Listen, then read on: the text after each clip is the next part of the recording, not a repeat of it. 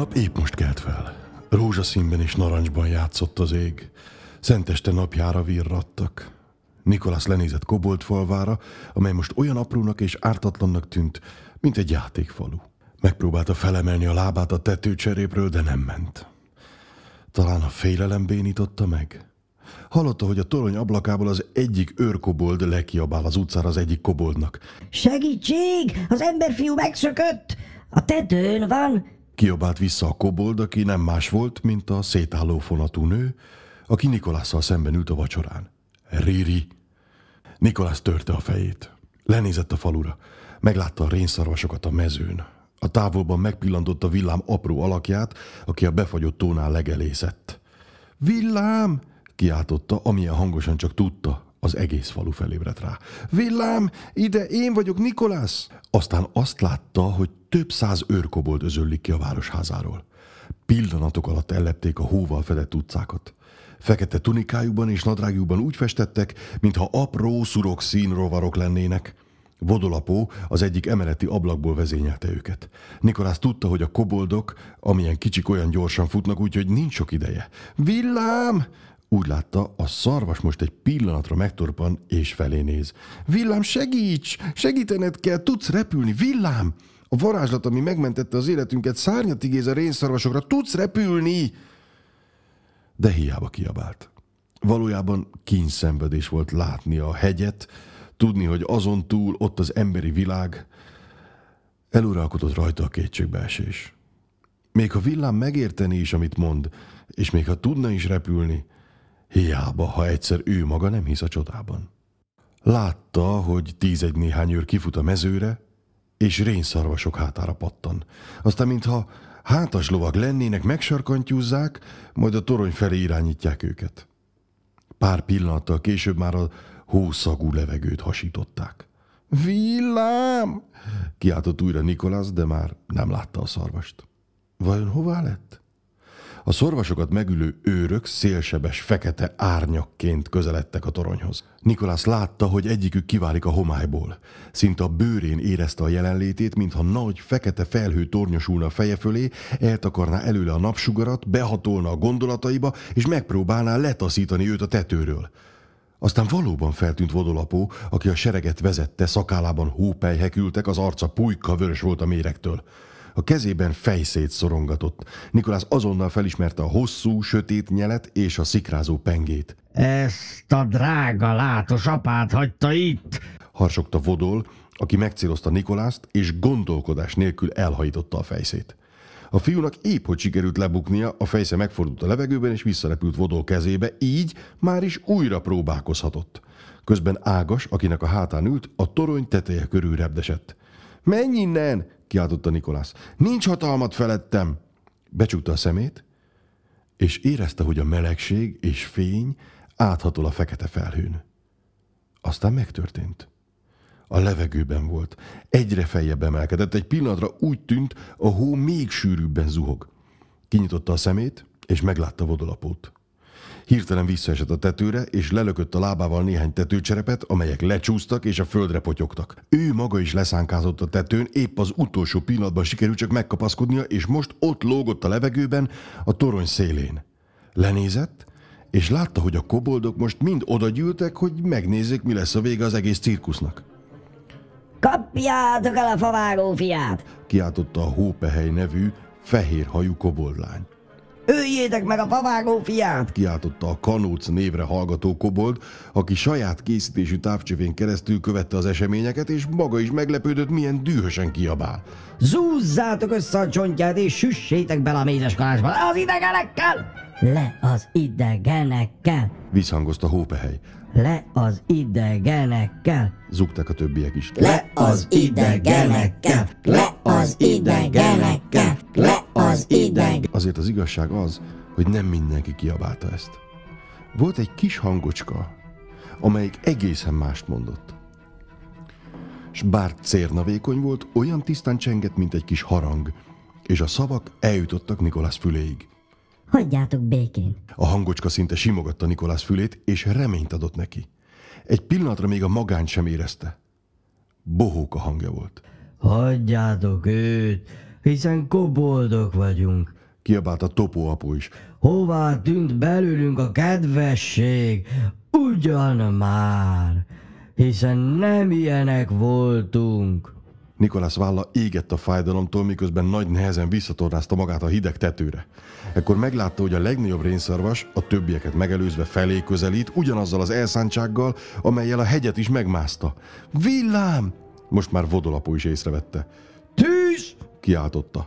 Egy őrkobold a hóba térdelt, és előkapta a hosszú íját. Persze koboldokról lévén szó, inkább rövid íjat kellene mondanunk. Fogával tartotta a kihúzott zsinort, míg behelyezte a nyílveszőt, aztán célzott és lőtt. A vesző fekete vonalként zúgott át a levegőn, és elhúzott Nikolász füle mellett. Vodolapó dühöngve vágta villámhoz a fejszét, a rénszarvas azonban lebukott és lehúzta a fejét, így a fejsze csak az agancsa végét vágta le. Nikolász előre futott, le sem vette a szemét villámról, és reménykedett, ahogyan csak tudott. Aztán ellépett a tetőről bele a semmibe, és még erősebben remélt. A remény pedig megfogant, és Nikolász villám hátán találta magát. Állítsátok meg őket! Üvöltött vodolapó. Gyerünk, gyerünk! kiabált Nikolász, miközben villám hihetetlen sebességgel vágtazott a levegőben. Dél felé, a hegy felé! És csak szálltak, szálltak, kerülgették a sűvítő fejszét, meg a nyilvesszőket. Végül már csak a puszta remény és elszántság hajtotta őket, de sikerült épp bőrrel elmenekülniük, és nem sokára elnyelte őket a hajnal.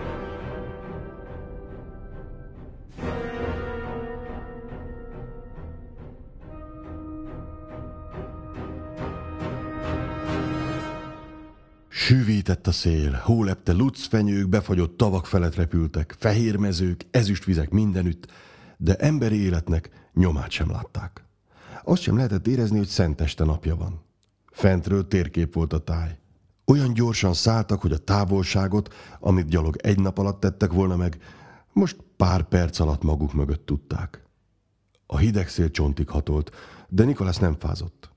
Amióta Topóapó megbűvölte óhajtó sóhajtással, alig érezte a hideget. Vagyis ez így nem igaz, érezte, hogy hideg van, de nem zavarta. Hideg volt, és kész. Nikolász annyira megkönnyebbült, hogy megmenekült, és annyira megörült annak, hogy az apja talán mégis él, olyan boldog volt, hogy képes volt varázsolni, hogy ott, a tó fölött akkorát nevetett, mint még soha életében.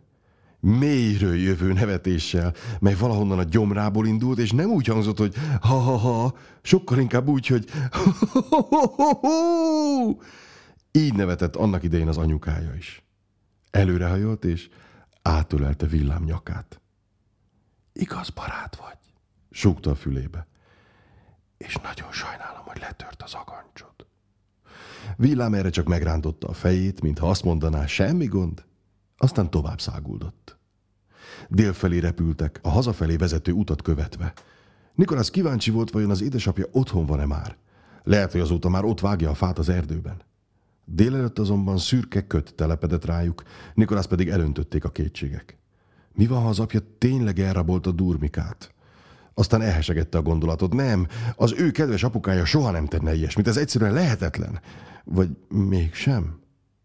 Aztán rájött, mit kell tennie, és nehéz lett a szíve. Mielőtt hazatér, meg kell találnia a kobold fiút. Ki kell deríteni az igazságot. Be kell bizonyítani a koboldoknak, hogy az édesapja jó ember. Magyarázatot kell találnia arra, ami történt. Lehet, hogy Durmika egyszerűen megszökött, mint ahogy a Nikolász, és akkor csak meg kell találnia, és meg is van a magyarázat. A rénszarvas az erdő fölött alacsonyabbra ereszkedett, a mező vagy a végtelennek tűnő agyagos síkság fölé értek, feljebb szállt, hát ha meglátják Durmikát. Városok fölé azonban nem merészkedtek, mert Nikolász nem tudta, mit szólnának hozzá az emberek, ha meglátnának egy fiút egy repülő rénszarvas hátán. Néha azonban láttak azért egy-egy embert, aminek villám mindig nagyon megörült. Nikolásznak nagyon tetszett az, hogy villámnak fejlett volt a humorérzéke, legjobban pedig az mulattatta, ha villám fentről lepisílte az embereket. A rénszarvas szándékosan jó sokáig nem pisilt, aztán ha meglátott valahol egy embert, felé szállt, és hajrá! Az emberek persze azt hitték, csak az eső esik. Hát ez nem valami szép karácsonyi ajándék villám, mondta Nikolász, de azért teli szájjal nevetett. Szálltak, szálltak, hol gyorsan, hol lassan, hol magasan, hol alacsonyan, északnak, délnek, keletnek, nyugatnak, de hiába. Nikolászon lassan úrrá lett az elkeseredés. Lehet, hogy mégis jobb lenne, ha hazamenne. Nagyon elfáradt, és tudta, hogy villám még jobban. Újra havazni kezdett. Gyerünk, mondta Nikolász. Muszáj lepihennünk éjszakára. Nyugat felé meglátott egy fenyőerdőt. Szálljunk le ott, és keressünk valami menedéket. Így hát az engedelmes villám nyugat felé fordult, és egyre lejjebb ereszkedett. Óvatosan kerülgetve a hósipkás fenyőket, még csak egy vízmosás szélén meg nem láttak egy alkalmas tisztást. Ez aztán fura karácsony lesz, gondolta Nikolasz. Letelepettek az egyik magas fa alá, amelynek a teteje már ködbe veszett. Hátukat egymásnak vetették, úgy feküdtek le, és Nikolász már épp álomtalan álomba merült volna, amikor egyszer csak meghallottak valamit. Ágrecsenés. Hangok. Férfi hangok. Lépések? Nikolász villámgyorsan felült és fülelni kezdett. Korom sötét volt, de a férfi hangok ismerősnek tűntek. Még a lélegzete is elakadt. Ez Anders, a vadász. Villám, súgta a fiú. Azt hiszem, ők azok. Várj itt! Nikolász felkelt, és óvatosan előre settenkedett. Narancs és aranyszínű lángokat látott, amelyek egyre fényesebben ragyogtak, ahogy közeledett hozzájuk. Tábortűz. Az árnyak úgy mozogtak, akár a szellemek. Közelebb érve nagy, tagbaszakat árnyalakokat pillantott meg, akik körülülték a tüzet és beszélgettek. Most már azt is ki tudta venni miről. Már csak pár nap járóföldre vagyunk Turkutól, mondta egy hang. Új évre odaérhetünk. És még egy hét, mire odaadhatjuk az ajándékot a királynak, tette hozzá egy másik. Azt hittem, először hazamegyünk, szólalt meg egy harmadik hang, amelyet Nikolász a világon minden hangnál jobban ismert és szeretett. Majdnem megállt a szíve, ahogy meghallotta. Mindenét átjárta a szeretet meg a félelem. Már majdnem felkiáltott, hogy apu, de aztán mégis inkább csendben maradt, és tovább hallgatózott az éjjel sötétben. Nem, ígéretet tettünk, a királynak meg kell kapnia még új év előtt. Nikolász alig kapott levegőt. A szíve csak úgy dörömbölt, de tudta, hogy meg kell próbálnia még egy kicsit nyugodtan maradni. Légy erdővé. A fiamnak azt ígértem, hogy mostanra már otthon leszek. Akkor döntsd el, hogy melyik ígéretet fontosabb, amit a fiadnak tettél, vagy amit a királynak. Visszhangzó nevetés harsant fel, mintha az egész erdő hahotázott volna. A madarak felreppentek és riadtan víjogtak. Jó, hogy csendben maradunk, különben még feltalál ébredni, szólalt meg az egyik férfi. Ó, emiattem kell aggódnunk. A koboldok nagyon mélyen alszanak, felelt egy másik. Nikolás szíve a torkában dobogott. Úgy érezte magát, mint a zuhanna. Aztán hány ingere támadt, majd úgy gondolta, inkább elájul. Szóval igaz. Erőltette a szemét, hogy még többet lásson. A tűz másik oldalán fura dobozszerűség feküdt. A kobolt fiút magát nem látta, de tudta, hogy ott van. A férfiak tovább beszélgettek. Gondolja pénzre, Joel, ne fáj majd többé a fejed, amiatt miből vegyék karácsonyi ajándékot. Képzel csak el azt a rengeteg pénzt. Mihez kezdesz majd vele? Mit veszel karácsonyra? Egy tanyát. Ha, ezt megnézném, mondta egy másik hang. Ezt a férfit Atunak hívták, bár ezt Nikolász még nem tudta. Hatalmas fejében miniatűr agy üldögélt. Bozontos haja meg szakála volt, amitől olyan benyomása támadt az emberek, mintha épp egy bozótból kukucskának kifelé. Aztán, ha megnéztem, én veszek egy WC-t. WC-t? Az még mi fánterem?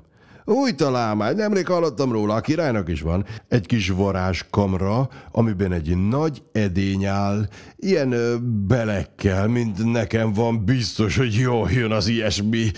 Meg veszek majd szép gyertyát is, nagyon szeretem a gyertyákat, egy szép, nagy, piros gyertyát fogok választani. A férfiak most halkan beszélgettek egymás közt, Nikolász pedig kihasználta az alkalmat, hogy nem figyelnek. Négy kézlábra ereszkedett, és lassan a ketrec felé araszolt, fenyőtobozokat kerülgetve. Közben még lélegzetet is alig mert venni. Vigyázott nehogy közel kerüljön a férfiakhoz. Végül odaért a fából készült ketrechez, egy festett szánkóra volt kötözve, amelybe ezt a szót vésték, karácsony. Az ő szánkója volt az. A ketrecben pedig összekuporodva aludt egy kobolt fiú. Ugyanolyan sötétzöld tunikát viselt, mint bohóka, és körülbelül vele egykorú lehetett. Egyenes barna haja volt, nagy füle, még ahhoz képest is, hogy kobold volt, és apró orra. És bár távolülő szemei épp csukva voltak, a szája lefelé görbült, és arcára kiült a félelem. Nikolász arra gondolt, ő ugyancsak egész kis ideig volt rabságban, de az is nagyon megviselte. Állt, és azon gondolkodott, mit tehetne. Ösvény sehol sem látott. Egyik oldalon csak fák, a másik oldalon tisztás. Reszketett félelmében, te tudta, hogy meg kell várni, amíg az apja és a többiek elalszanak. Durmika kinyitotta a szemét, és egyenesen Nikolászra bámult. Egy pillanatig úgy tűnt, hogy sikítani fog. Nyugtatgatta Nikolász. Azért jöttem, hogy segítsek. Durmika még nagyon fiatal kobold volt, és bár nem ismerte Nikolászt, már elég jól értett ahhoz, hogy meglássa a jóságot valakiben. Így feltűnt neki az is, mennyi kedvesség van a fiú tekintetében. Úgy tűnik, megértette, mit akar. Félek? Mondta, persze koboldul. Nincs semmi baj, igyekezett megnyugtatni a fiú. Tényleg nincs. Nincs. Illetve most van, de majd elmúlik, és akkor... Hirtelen egy érdes hang harsant a háta mögött, mintha a gazdája egyenesen a semmiből bukkant volna elő. Boldog karácsonyt! Nikolász azon mód megpördült, és az egyik férfival találta szembe magát, akinek gyűrött arca volt, és füles gyapjú sapkát viselt. Az íját megfeszítette, és épp rá irányította. Mondd meg, ki vagy, ha kedves az életed!